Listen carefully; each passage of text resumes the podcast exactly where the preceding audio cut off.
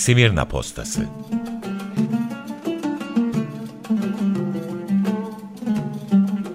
Unutturulan şehirden haberler ve insan hikayeleri.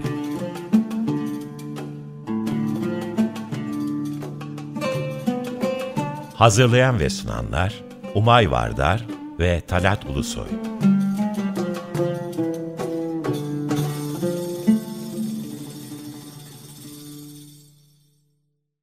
Merhaba sevgili Açık Radyo dinleyenleri. Merhaba Talat abi. Merhaba Umay, merhaba.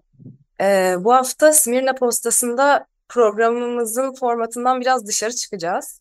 Ee, ve İzmir'de 6-7 Eylül programı nasıl yaşandı buna değineceğiz. Ee, yakın tarihten bir konu seçtik ama bu durumun haklı sebepleri var aslında. 1922 sonrası bir olayı konu alıyoruz ama e, bunun 9 Eylül ve yangının başladığı 13 Eylül'le bağlarını da görebiliyoruz. Program Harika. boyunca e, bunlara değineceğiz. Evet, e, bu sebepten 1955 yılında gerçekleşen 6-7 Eylül olayları, İstanbul olayları ya da Eylül olayları olarak bilinen pogromun İzmir'de nasıl yaşandığını konuşmak istedik. Yer yer hem İstanbul'u hem de 9 Eylül, 13 Eylül'ü hatırlamanın faydalı olacağını düşünüyorum ya da hatırlatmanın program boyunca. Talat abi sen İzmir'de bu buna şahit olmuşsun. Evet, Konunun detaylarına girmeden önce biraz senden dinleyelim istersen önce.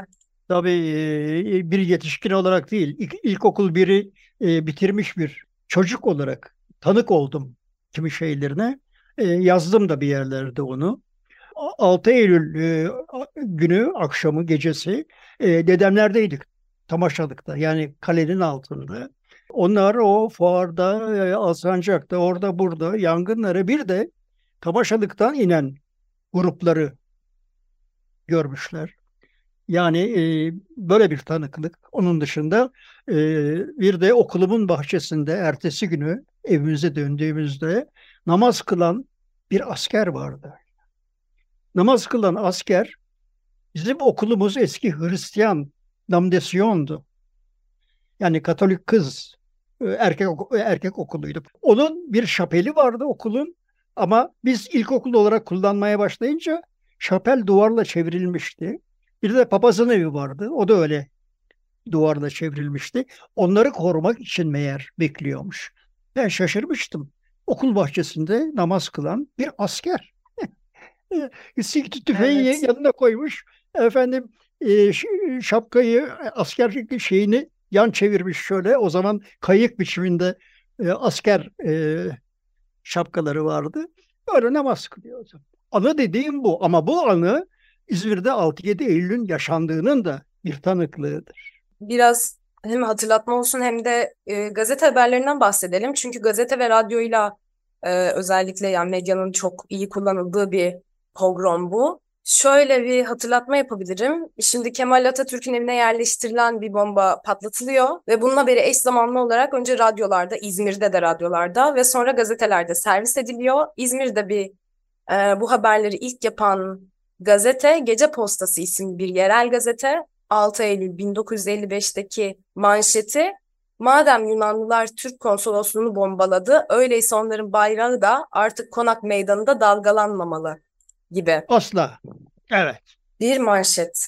Evet. Yani İstanbul'da olduğu gibi saldırganlara gazete dağıtma görevi verildi mi bilmiyorum. Sen böyle bir şey duydun Ama mu? ama kalabalıklar aynı saatlerde harekete geçiyor. Evet. Bunu bir Bu sürü sabit. tanıklık da doğruluyor bu arada. Evet. Evet. Bir şeyi düzeltmeme izin verir misin Umay'cığım? Ee, Selanik'teki ev Atatürk evi. Atatürk'ün evi değil. Doğduğu ev değil. Atatürk Selanik'e bir buçuk saat falan mesafede Langaza köyünde doğdu. Bak bu kapatılır. Üstü kapatılır. Langaza. hı, Bir daha söylüyorum. Arzu edenler araştırmak için yazsın. Ve bugün de hala şeylerde pek çok yazılarda Atatürk'ün evine e, e, yani e, 6-7 Eylül'ü e, Eylül'e karşı yazılarda dahi artık yerleşmiş Atatürk'ün evi diye. Atatürk evi. Bizzat orada gidip konsolosla dahi konuştum ben. Selanik'te. Detaylar Evet. önemli. Hı hı. Evet, evet. Bu e, 9 Eylül'le bağlantısıyla ilgili bir 7 Eylül günü Demokrat İzmir gazetesinde bu sefer yine İzmir'in yerel gazetesi. Buradaki manşeti paylaşmak istiyorum. Atatürk'ün Selanik'teki evine yapılan menfur suikast üzerine Türk milleti hakarete hazmedemedi. dün yüz binlerce kişinin iştirakiyle şehrimizde, İzmir'de ve İstanbul'da Yunanlar aleyhine büyük nümayişler yapıldı. Ve devamında şunu diyor, İzmir kuruluşundan bu yana dünkü kadar heyecanlanmamış ve coşmamıştır. Kuruluştan kastedilen şey 9 Eylül zaten. Evet, dikkatini çekti mi? Eylül ayı ile İzmir'in bir kader takvimi ortaklığı var.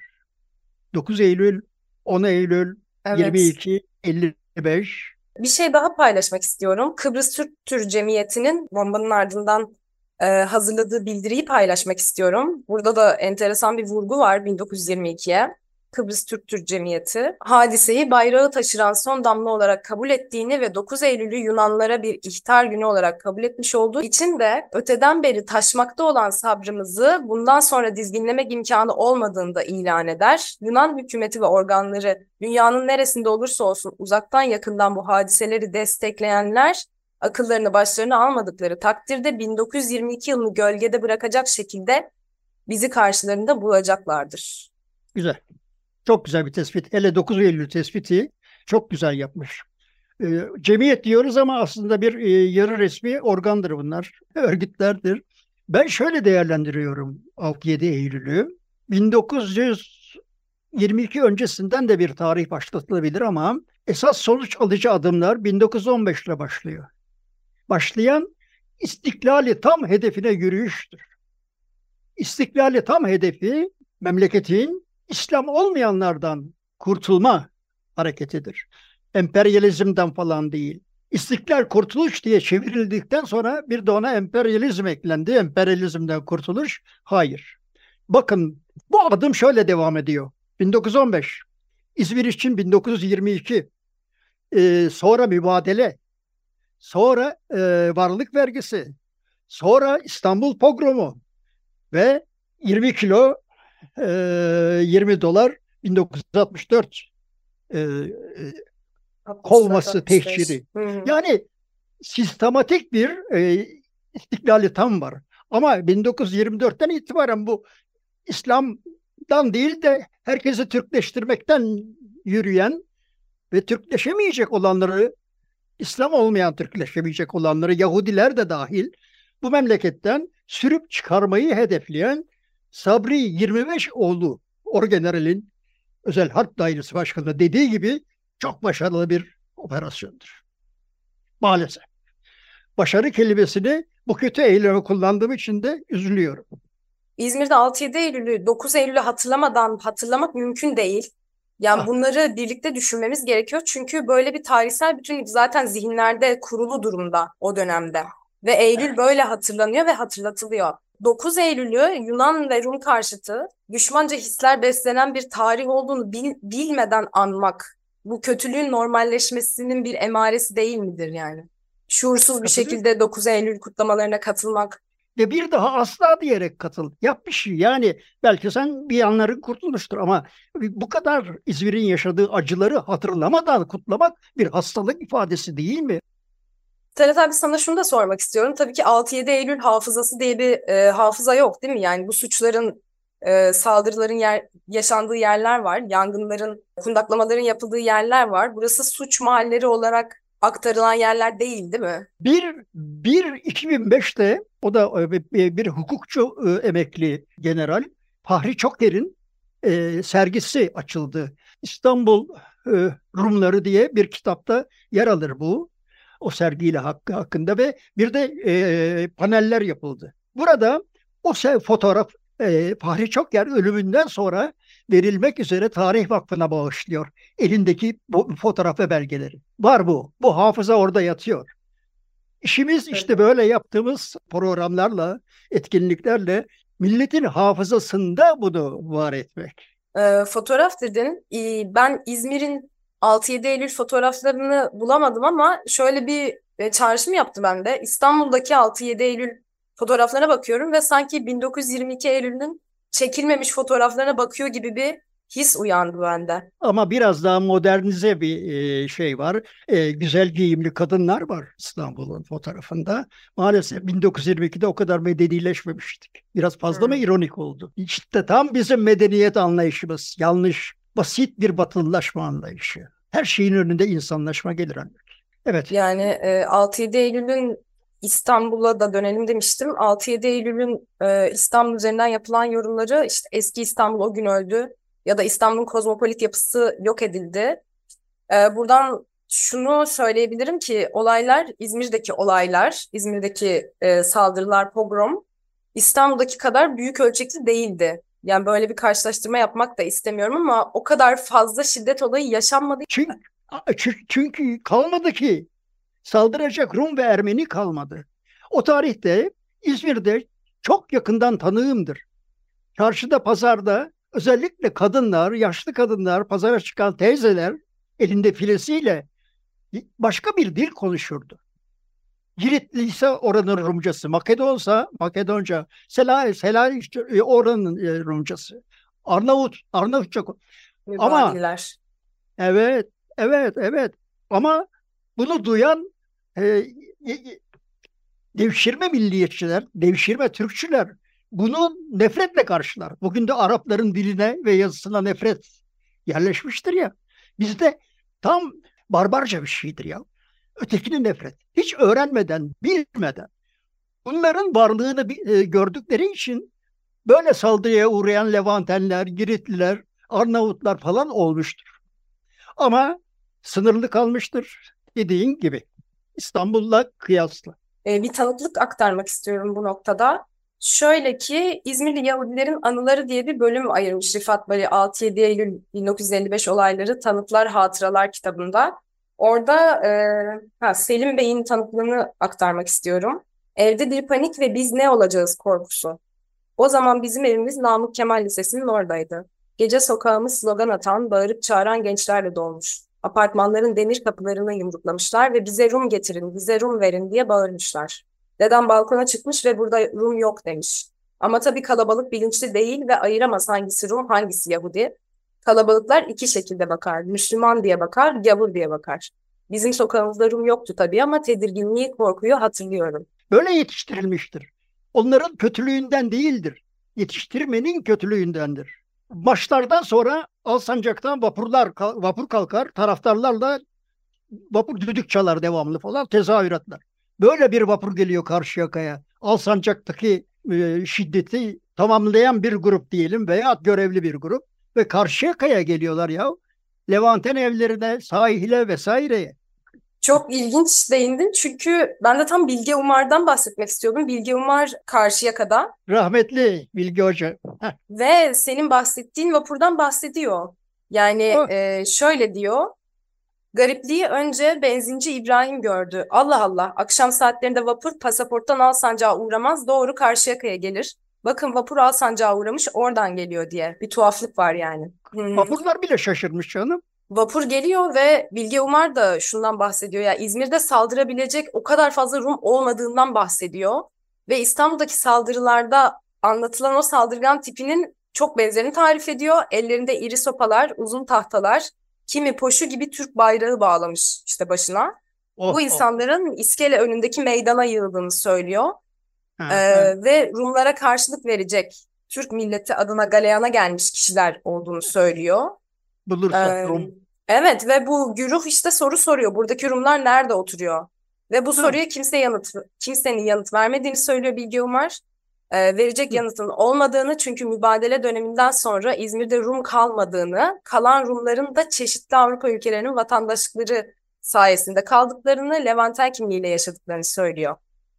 Çok az sayıda, çok az sayıda ve halen bugün tanıdıklarım vardır. O e, şey kuşaktan gelen, kimi Katolik olmuştur, şey Ortodoksluğu bırakmıştır vesaire. Bir şey söylemek istiyorum. 1955 Cumhuriyet'in yeni nesil yetiştirmesinin 30. yılı. Öyle mi? Evet. Öyle diyelim. Ve başarıyı görüyoruz. Bakın, altını çiziyorum. Şimdi 100. yılındayız. Aynı eğitim sürdü. Aynı nefret eğitimi sürdü. Eğitim şart denir ya, aynı eğitim sürdü geldi. Nefret eğitimi. Dünyaya bedel olanın herkesten nefret etme hakkı geldi. Yürüdü geldi. Bu bir yanı yani bunu buradan çok endişe ediyorum. Ee, ee, ben de tam 30 yıl öncesine gidip şunu hatırlatacaktım. Ee, Rumların varlığı İzmir'de 1922'den sonra çok şiddetli bir şekilde marjinalleştirilmişti. Yani 9 Eylül'ün ardından gelen Ekim ayında Rum Ermenilerin şehri terk etmesi gereken bir süre olduğunu belirten o belgeden bahsetmiştik programda. 9 Ekim vapurun son tarihi, son vapurun son tarihi. Hı hı. Ve Ekim ayında e, Rum ve Ermeni sivilleri bulmak için ev aramaları yapılıyor zaten. Ee, ve bu tarihten sonra hayatta kalabilen ve geri dönebilen Rumların ve Katoliklerin vize alması engellenmiş durumda ve 1930'a kadar böyle gidiyor bu. Ee, ve sonra Ümit Eser aktarıyor bunu. Yunanistan'a göç etmek zorunda kalmış olan mübadillerin geriye dönmek gibi bir düşüncesi kalmamış zaten 1930'lar gelince. Ee, ya yakınlarını bulmak için geliyorlar, İzmir'e geri dönüyorlar ya da memleketlerini son kez görmek için geliyorlar. Ee, böyle anlatılardan birisi de programımızda söz ettiğimiz Olga Vatidu'nun anlatısıydı. Yani 1922 yılından 30 yıl sonra ancak İzmir'e geri gelebilmişti. Ha, ha, Ee, ve hani Rum nüfus nasıl yaşıyordu İzmir'de e, pogrom zamanında 1955'te 6-7 Eylül'de? Buna dair çok bir şey bilmiyoruz aslında. Ama şöyle bir şey aktarıyor Müteser, ben de burada söylemek isterim. Buca'da bugün hala ayakta olan Protestan Anglikan Kilisesi var şöyle bir şey yayınlıyor. 1950 yılında Buca'da hiç Ortodoks kilisesi bulunmadığı için ibadet etmeleri bakımından Rumları davet ediyor. Yani İzmir'de de saldırılan Alsancak'ta saldırılan kilise Katolik kilisesi. Ortodoks kilisesi evet. bırakmadık ki. Hı-hı. Biz Ortodokslarla beraber kiliselerini de yok ettik. Evet ya en azından hani bu bildiriden hareketle en azından Buca'da aktif bir Rum kilisesi olmadığını kesinlikle söyleyebiliriz. Yok canım yok. Yani. Bugün İzmir'de bir, bir, bir, bir, bir tek ve o da Hollandalıların bir e, güzelliği neticesi küçük bir kiliseleri var. E, az sayıda da cemaatli. Bir şey söylemek istiyorum. Sen demiştin ki e, hafızalarda bu e, 55-6-7 Eylül olayları yer etmedi. Böyle bir kapı açmıştım. Uluslararası büyük tepki karşısında bu devlet organizasyonu, özel harp dairesi organizasyonu hayır biz yapmadık komünistler yaptı tarzına çevriliyor ve o kadar güzel insanlar tutuklanıyor ki. Evet. Hadi geçtik bunu. Madem komünistler yaptı peki 1960 ihtilalinde Menderes, Bayar, DP yaptı diye nasıl yargılanır? Evet onların haberi olmadan olmaz ama özel harp dairesinin işi. Yani DP'nin üstüne yıkıp kurtulamayız. DP'li, DP idaresinin, yönetimin, hükümetin haberi olmadan zaten bu olmaz. Ama bunu yapan, örgütleyen Sabri 25 olduğunu söylediği gibi özel harp dairesi yani teşkilatı mahsusanın cumhuriyette devamı. Burada da zihniyet çarpıklığı doğuyor ortaya. CHP'liler, Batıcılar, Atatürkçüler DP yaptı bunu. Hayır DP yapmadı iyi bakın. Bu her zaman yapılma potansiyeli olan tecrübe kazanılmış bir kötülüktür. Hı. Ee, ben de fuardan bir şey aktarmak istiyorum. 6 Eylül akşamının erken saatlerinde yaşanıyor bu olay. Fuar pavyonlarından birinin önünde itfaiye beklemeye başlıyor. Ve itfaiyecilerin alana niye geldikleri sorulduğunda birazdan burada yangın çıkacak, biz de söndüreceğiz şeklinde e, yanıt evet. veriyorlar. E, bu arada tedbirli olmak iyidir. Ali Kemal'i Ali Kemal'den bahsetmiştik gazeteci. Bununla ilgili bir şey paylaşayım. Ee, Kıbrıs Türk Tür Cemiyeti'nin İzmir Şubesi Başkanı Avukat Fikret Florat'ın e, sözleri bunlar. Bu bir zabıta vakası değildir. Bu Atatürk'ün doğduğu evin bombalandığı ve konsolosluğumuzun tecavüze uğradığını öğrenen her Türk'ün milli hislerinin ifadesidir. Bu kabil hislerde Yunan bayrağını yırtan ferdi aramak hatalıdır. Zira bütün millet aynı şeyi yapma, yapamadığına üzülmüştür. Mesela milli mücadelede Atatürk'ü kösteklemeye çalışan gazeteci Ali Kemal İzmit'te linç edilmiştir. Bu zatı öldüreni aramak ne kadar doğruysa bu şanlı bayrağımızı kirleten Yunan bayrağının dalgalanışını görmek istememek de aynı derecede hatadan salimdir. Yani 1922 ile... Linç, linçi haklı gören bir insan tipi yetiştirildi. Linç. Suçu ne olursa olsun linç en iğrenç insanlık suçudur bana bana göre. Ve yani, görüyorsun Cumhuriyet nasıl bir insan yetiştiriyor. Ondan sonra da Cumhuriyetimiz olur mu böyle Cumhuriyet? Demokratik Cumhuriyet şart. Yani 1922 ile bağını e, kurmak işten bile değil, değil diyebilirim. Bir sürü delil. Herkes e, ortaya döktükleriyle. E, bir de e, bu olayda öne çıkan isimler var. Mesela o bombayı koyan öğrenci. O e, Kıbrıs Türk Türk Cemiyeti tarafından burs verilen kişi diyorsun galiba. aslında e, Yunan vatandaşı e, bir Müslüman. Tabii Oktay Engin. Tabii. Evet. E, e, şeye görüyor, hukuk eğitimi görüyor Selanik'te. E, bir, bir, bir gece yarısı işte bekçiyle beraber bu adam kısa sürede tahliye olup Türkiye'ye getiriliyor. Hukuku bitiriyor ikiden başlayıp. Kısa sürede emniyet istihbaratın başına geliyor ve kısa sürede vali oluyor. Nevşehir valisi. Düşünebiliyor musun? Biz sevdiğimizi güzel yükseltiriz. Bu bile bir delildir yahu. Bombayı koydu. Bomba da ses bombası. Ha. Evi tahrip etme niyeti yok. Evet, tahrip gürültü çıkarmaktır diye. Böyle Hı hı. çıkmıştır gürültü. Hı hı. Peki ikinci kişi İstanbul Ekspres gazetesi. Ya 20 bin basan akşam gazetesi 290 bin basıyor. Nasıl hazırlıklı gördün mü? Kolay değildir 20 binden 291'e çıkmak. Ve bedava dağıtılıyor. Tabii. Neresinden bakacağım vallahi bile, umayı bilemiyorum ya. İzmir'deki istersen biraz tahribatlardan bahsedelim. Yani İzmir'de tam olarak En başta Hı. Yunan konsolosluğu. ya Yunan Ve- konsolosluğunun deposunun yakıldığı söyleniyor. Bu Yunan konsolosluğu Atatürk Caddesi'nde birinci kordon. Ya kordonda evet, Evet, ya. kordon Ne yani. deposu bizzat şu yani, tarihi de bir yapı. Bu yapı Bundan e, bahsediliyor ve fuarda işte internasyonel fuardaki Pavyon. Yunan evet Yunan pavyonu. hem soyuluyor, yağma ediliyor hem yakılıyor. İşte onun alevleri tamaşalıktan görülen en çok Hmm. fuardaki. Ve şöyle haberler var. Alsancak'ta Mesudiye Caddesi'nde Niko ve İlya adlı şahıslara ait bakkal dükkanı. Kıbrıs Yine- Şehitleri Caddesi bugünkü yani Mesudiye Caddesi eski. Hı hı. Mesudiye Caddesi'nde Vasili adlı şahsın e, sahip olduğu İstanbul Pastanesi. E, Alsancak Pazar yerinde bir bisiklet tamirhanesi, bir çiçekçi dükkanı. Bu arada bu çiçekçi dükkanı bu Rifat Bali'nin derlediği 6-7 Eylül kitabında Nelson Bey bahsediyor. Şöyle bahsediyor. Belki de o çiçekçidir. Hatta telefonda söylediler. Bir Yahudi çiçekçi vardı Şirozer. Şirozer'in dükkanı yağmalandı dediler.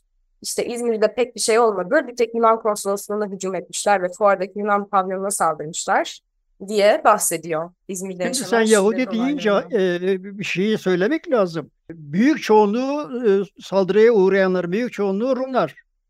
Güya görünüşte Rum. Ama Ermeni, Yahudi, hatta Arnavut, hatta Bulgar. İstanbul'da saldırıya uğrayanlar var. İzmir'de de işte verdiğin örnek. Onlar ve çiçekçi. e, hani NATO görevlisi Yunanistanlı askerler de Subaylar. olabilir. Evet. Aa, ya, Onların kullandığı kilisenin tahribata uğradığını ya, ya. biliyorum. Ee, Evlerinin ve dükkanlarının yakıldığını biliyorum ve şöyle geçiyor. Yunanlara ait 14 ev kısmen tahrip edilmiş ve eşyalar yakılmıştır. Bunlar maddi hasarlar tabii ki. Sadece. Evet. Gerçi biz öyle şeyler yapmayız. Yapmıştır birileri, kötü niyetli birileri ama. Ee, ve bu 6-7 Eylül programından sonra e, 9 Eylül tarihli gazeteler İzmir'in Kurtuluş Günü'ne yönelik kutlamanın yapılmayacağını yani muhtemelen ilk kez 1922'den sonra e, 9 Eylül'de merasim düzenlenmemiş. Ya ne denmiş acaba? Üzüntümüzden mi? He? Nasıl olsa kutlamış oluyoruz 6-7 Eylül'de. 9 Eylül'de ne gerek var? Yedirtmesinler adama yani. Böyle demiş olmayayım ben. İstersen yavaş yavaş toparlayalım Talat abi. Toparlayalım. Zamanın sonuna geliyoruz. Eklemek Evet. istediğin bir şey var mı? Vallahi çok şey var ama korkunç bir olay. Ve bu devlet bundan hala özür dilemedi. Bunu başarmadığımız sürece demokrasi gelmez, eşit haklı yurttaşlık gelmez diyor. Programın İzmir'de de planlı olduğu ve İstanbul'daki gibi belki de muhtarlar adres paylaştı ya da saldırganların elinde adres sardı. Buna yönelik e, bir şey okumak istiyorum. Besteci ve yorumcu Ali Kocatepe'nin tanıklığı. Alsancak çocuğudur. Ha, hı. Zaten e, olay yaşandığında Kültür Park'ta tiyatrodalarmış. ha, ha. Ürkmüştüm. Çünkü gördüğüm insanlar çapulcu gibiydi. Onlar gittikten birkaç dakika sonra babam hadi eve dönüyoruz dedi. Anlam verememiştim. Ne güzel onu seyrediyorduk. Elimizin yürüyüş mesafesi 20 dakikaydı. Hızlı adımlarla giderken babam niye endişelendiğini anlattı. Evimizin alt katında bir papaz kiracımız vardı. 15 gün önce başka bir eve taşınmıştı ama nümayişçiler gelip onu bizim evde de arayabilir, evimize zarar verebilirlerdi. Bu yüzden evde olmalıydık. Babam haklı çıktı. Gece yarısı yaklaşık 100 kişilik bir grup evimizin önüne geldi. Adrese teslim. Bu konuyla ilgilenen ve daha fazla okumak isteyen insanlara Libra yayınlarından çıkan 6-7 Eylül 1955 olayları tanıklar, hatıralar Rıfat Bey'in derlediği iki kitap bulunuyor, iki ciltlik. Tekrar geçirmek isterim. Gene Libra yayınlarından Ayça Baydar ve Ümit Eser'in yayına hazırladığı Hasret'in 30 Yılı Olga Vatibu'nun İzmir Ziyareti kitabı. Ee, ve yine Libra yayınlarından çıkan Kristina Zenginoğlu'nun 6-7 Eylül 1955 olaylarına götüren etkenler ve aktörler kitaplarını önerebilirim. Ellerimizi vicdanımıza koyup düşünmeliyiz. Bizim eşit haklı yurttaşlıktan, demokrasiden başka yolumuz yok. Devletin bekası diyenler bu kötülüklerin sürmesini isteyenlerdir. Biz ona değil buna bakalım. O zaman programı yavaş yavaş kapatalım. Sağ ol Umay'cığım. Teşekkürler Ee, Talat abi. İki hafta sonra görüşmek üzere tekrar.